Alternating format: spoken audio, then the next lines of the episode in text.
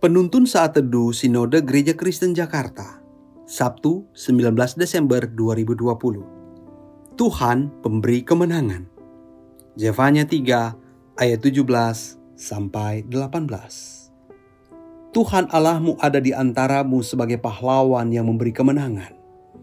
Ia bergirang karena engkau dengan sukacita. Ia membaharui engkau dalam kasihnya ia bersorak-sorak karena engkau dengan sorak-sorai. Seperti pada hari pertemuan raya, aku akan mengangkat malapetaka daripadamu, sehingga oleh karenanya engkau tidak lagi menanggung celah. Huawei adalah produsen telepon genggam asal RRT yang pertama memproduksi smartphone dengan teknologi 5G lengkap dengan jaringan 5G.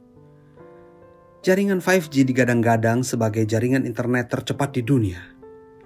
Melalui jaringan 5G, manusia bisa melakukan kegiatan lintas negara dan benua tanpa ada hambatan atau jeda.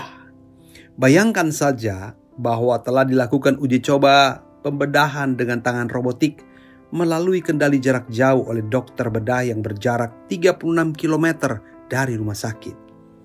Melalui jaringan 5G, telekomunikasi antar benua bisa terjadi nyaris tanpa jeda atau pelambatan. Saudaraku, nas di atas memaparkan pada kita bahwa Tuhan mengetahui segala sesuatunya tentang umatnya berdasarkan teknologi informasi yang super canggih.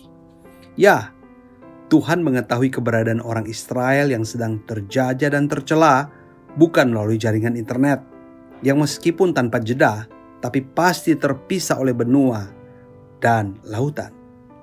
Tuhan mengetahui seluruh keberadaan orang Israel secara real, baik apa yang mereka rasakan maupun apa yang mereka rindukan. Mengapa? Karena Allah tak terbatas oleh ruang dan waktu. Itulah sebabnya Nabi Zefanya menyampaikan bahwa Tuhan Allahmu ada di antaramu sebagai pahlawan yang memberi kemenangan. Ia bergirang karena engkau dengan sukacita Bayangkanlah sebuah teknologi supra alami yang menyambungkan surga dan bumi secara langsung dan real. Ini membuat Allah Israel adalah Tuhan yang selalu tepat dan tak pernah mengalami jeda, apalagi meleset dari seluruh rencananya. Melalui koneksi langsung dan real ini, maka tidak ada janji Tuhan yang akan terputus.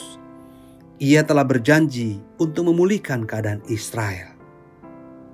Meskipun semua celah dan penderitaan yang mereka alami adalah akibat kesalahan dan dosa mereka sendiri, namun janji pemulihan Allah tak dapat dirampas oleh kefasikan manusia. Janji pemulihannya tak bisa tertunda karena jaringan lemah alias buffering. Kristus adalah pahlawan kita yang sejati. Perbuatan dan pertolongannya tidak pernah terlambat, apalagi gagal. Pahlawan selalu datang tepat pada waktunya dan sanggup memenangkan pertempuran seberat apa pun. Allah Roh Kudus yang bernaung dalam kita menjadikan segala sesuatu yang kita rasakan dan alami langsung dan real dirasakan oleh Dia. Segala sesuatu yang kita harapkan, Ia tahu secara langsung dan real semua persoalan hidup kita akibat badai COVID-19, ia tahu dan sanggup mengatasinya. Ini yang harus kita yakini. Kristus adalah pahlawan yang memberi kemenangan pada kita. Bila Tuhan tahu dan merasakan semua yang kita rasakan dan rindukan, maka apa lagi yang harus kita takutkan? Percayalah bahwa semua akan indah pada waktunya. Tuhan Yesus memberkati.